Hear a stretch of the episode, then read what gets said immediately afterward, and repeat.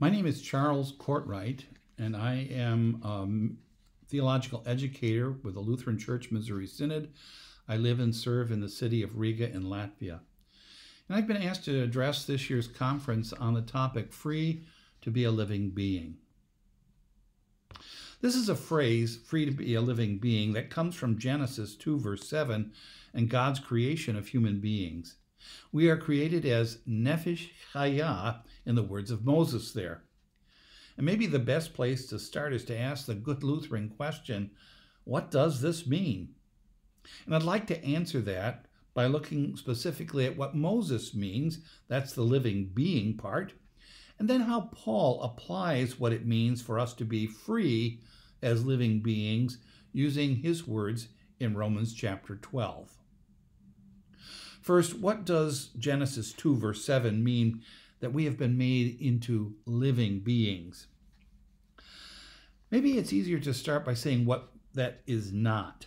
In older English translations of Moses' words, the Hebrew phrase nefesh chaya was often translated as Adam became a living soul. And some people pointed to this verse then that it was the point in the Bible that differentiated humanity from the rest of the animal creation by virtue of the fact that it said man was a living soul. Indeed, nefesh chaya can mean living soul.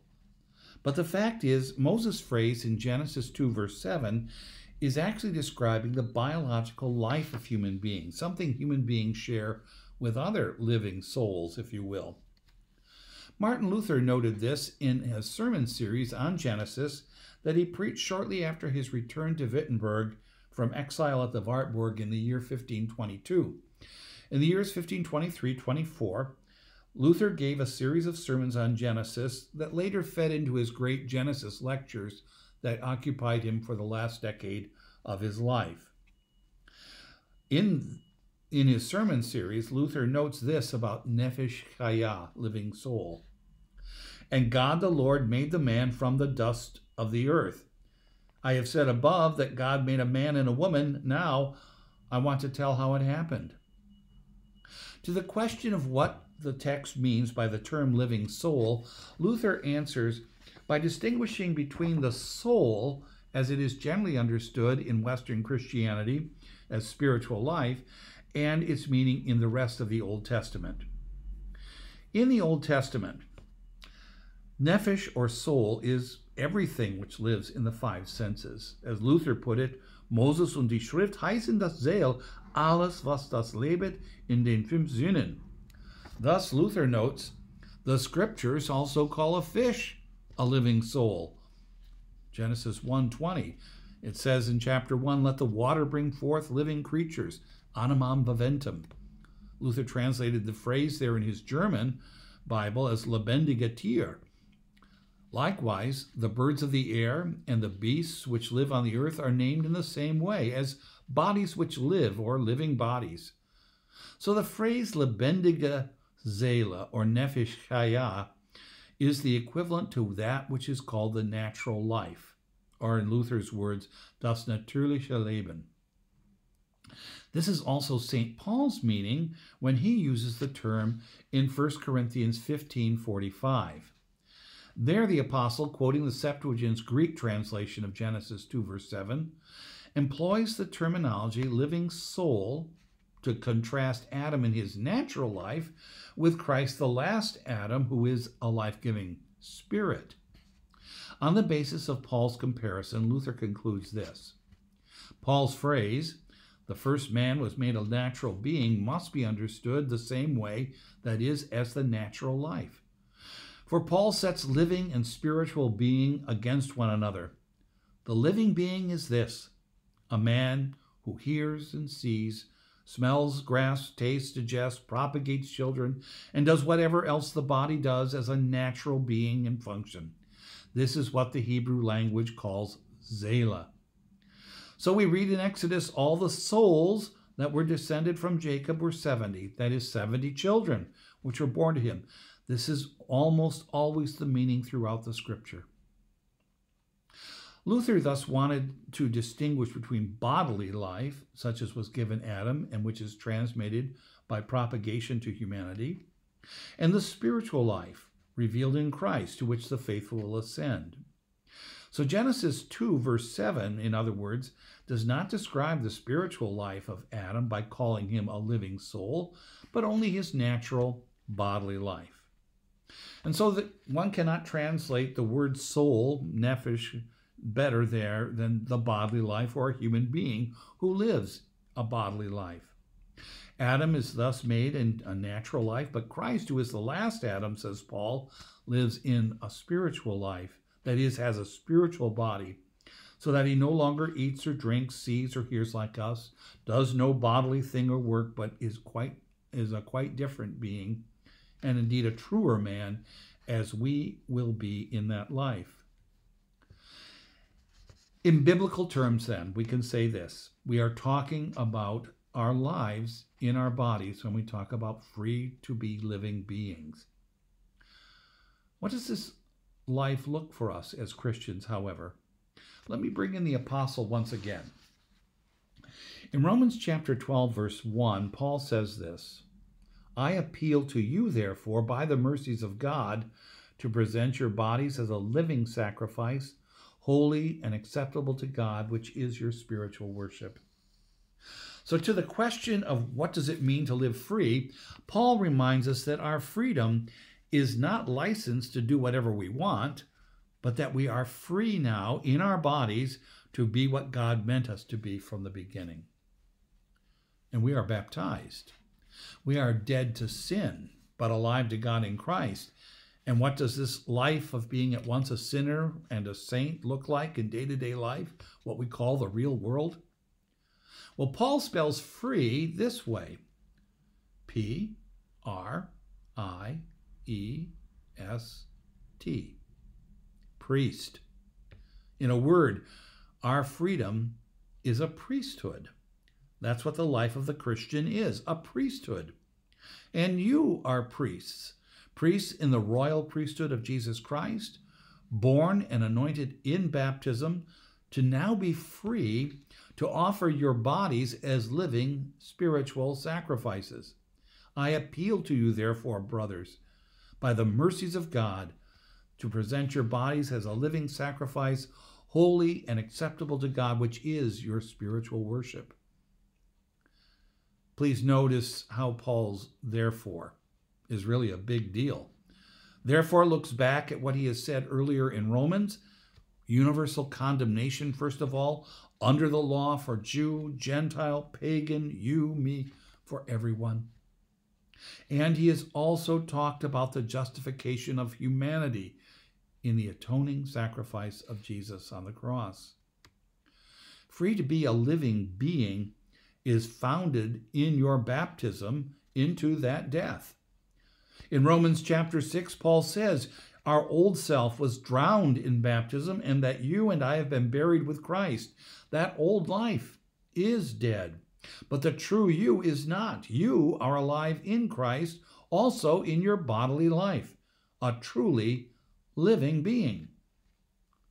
But notice too that now we live in a present paradox, being at once a sinner in Adam and a saint in Christ, with two wills warring within us flesh and spirit, contending with each other, even as the flesh goes to death and the spirit goes to life. All of this feeds into Paul's therefore and his appeal to live in the freedom of the new life in which you now live. Notice that it is by the mercies of God that Paul makes his appeal. This is not a law, this is not a commandment, but an exhortation to be who you are in Christ. Christ offered his body as a bloody sacrifice now, you, as his baptized believer, Paul adds, you are to also sacrifice as a baptized priest, offering your body as an unbloody sacrifice, living sacrifice of praise and thanksgiving. This calls for a new way of thinking about freedom. The world's way of looking at it won't get you there. The world of science won't get you there. The rhetoric of this age won't instruct you These are the unseen and hidden things that must be revealed by the Word. Paul defines our freedom this way Don't be conformed to this world and the way it thinks. You are in the world, but you are not of the world. Rather, be transformed in the renewal of your mind, another way of speaking of our life of repentant faith. That's what the word repentance actually means. It means to come to a new mind, if you will, to have a recognition, a transformation of that mind of ours, which is in Christ Jesus, the mind which serves the law of God, as Paul says in Romans 7, even as the flesh serves the law of sin. Let's look a little more at this matter in terms of our lives as priests, as, call, as Paul calls us. Now, no human priest is holy in himself. He must be washed before he takes up his priestly service. He must be vested, that is, covered in a robe that hides himself. In the Old Testament, a priest had to first sacrifice for his own sins before he could deal with the sins of the people. The blood that he sprinkled first had to fall on him. You were washed in baptism. You were clothed with Christ's perfect righteousness. He makes you holy. He anoints you. He washes you. He clothes you. He atones for your sin with his blood so that you can serve as his priest. It was one of the great insights of the Reformation, not new to Luther, but long hidden and all away in forgetfulness, that every baptized, believing, living Christian is a priest before God. Because the word priest came to be synonymous in history with the holy ministry and with the notion that only an ordained priest could offer a proper sacrifice.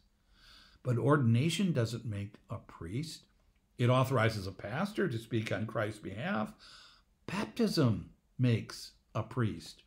Priests are made alive, that is, living beings in baptism. Ministers are made by call and ordination. The ministry is for this life and it only lasts to the last day. But priesthood is eternal.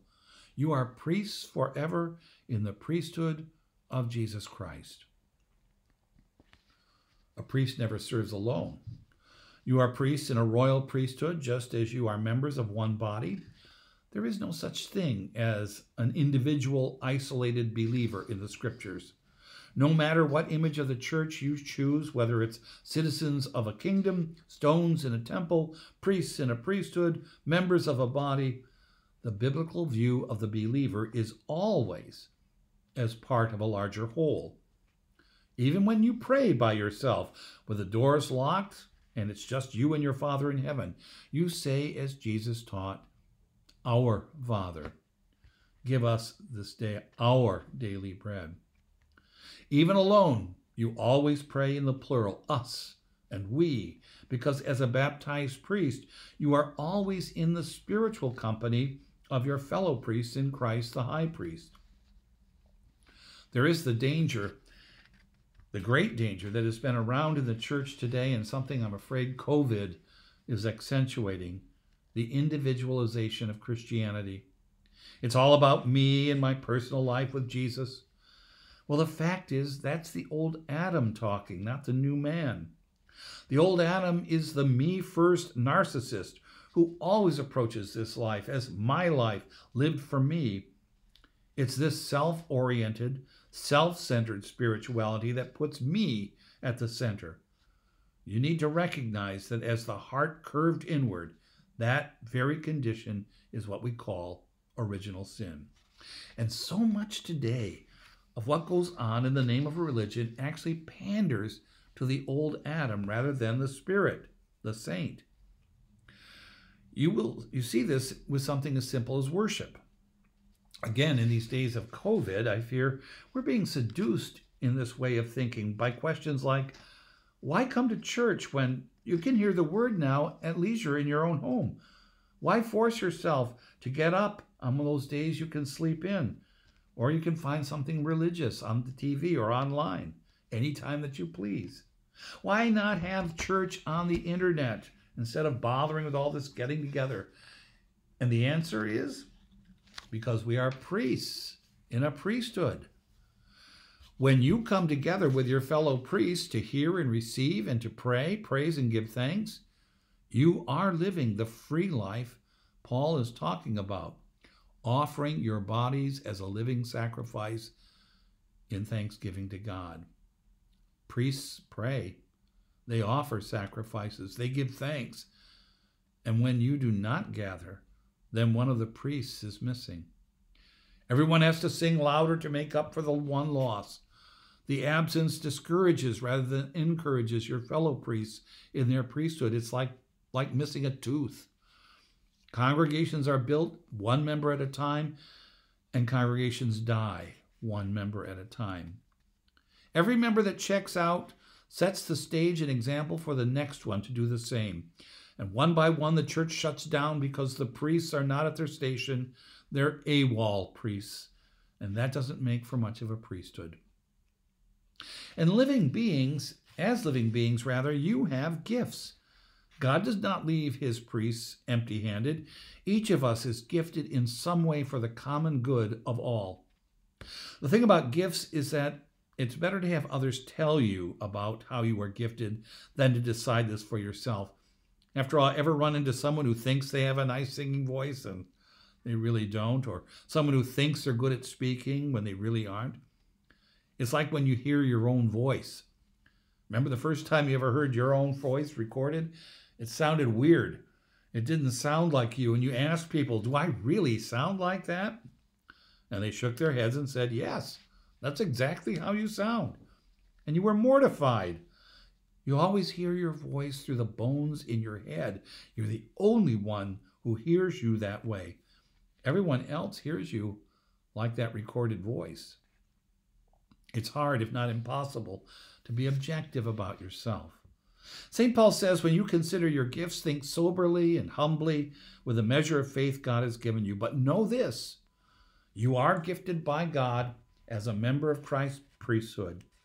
Your life in this body is to have a gift to freely offer to God by giving freely to your neighbor, to offer your body as a living sacrifice. U.S. President John F. Kennedy famously said, Ask not what your country can do for you, ask what you can do for your country. The Apostle Paul might have put it this way Ask not what the body of Christ can do for you, but ask what you, as a member of the body, as a priest in the priesthood, can do for the body of Christ. The church is where you learn to receive and be nothing but given to, and where you learn to give yourself away because in Christ you are free and have nothing to lose. Now, the gifts that God gives may look kind of mundane, ordinary, not terribly spiritual in the way people think of things prophesying, teaching, exhorting, contributing, leading, doing works of mercy. But these are your spiritual worship, and they are the exercise of your gifts for the common good of the body of Christ. This all happens in view of the mercies of God. We speak because we have been spoken to by our God. We teach because we have been taught. We give because we have been given to. We show mercy because we have been mercied by God. Jesus, the high priest, offered his body on the cross as an atoning sacrifice. Christ the victim, Christ the priest. Your bodies are his, redeemed by his blood. You were bought with a price. You are holy and acceptable in Christ. Now present your bodies as a living sacrifice, holy and acceptable to God. This is your spiritual worship. Free to be a living being, a priest in God's holy assembly, his church. Thank you.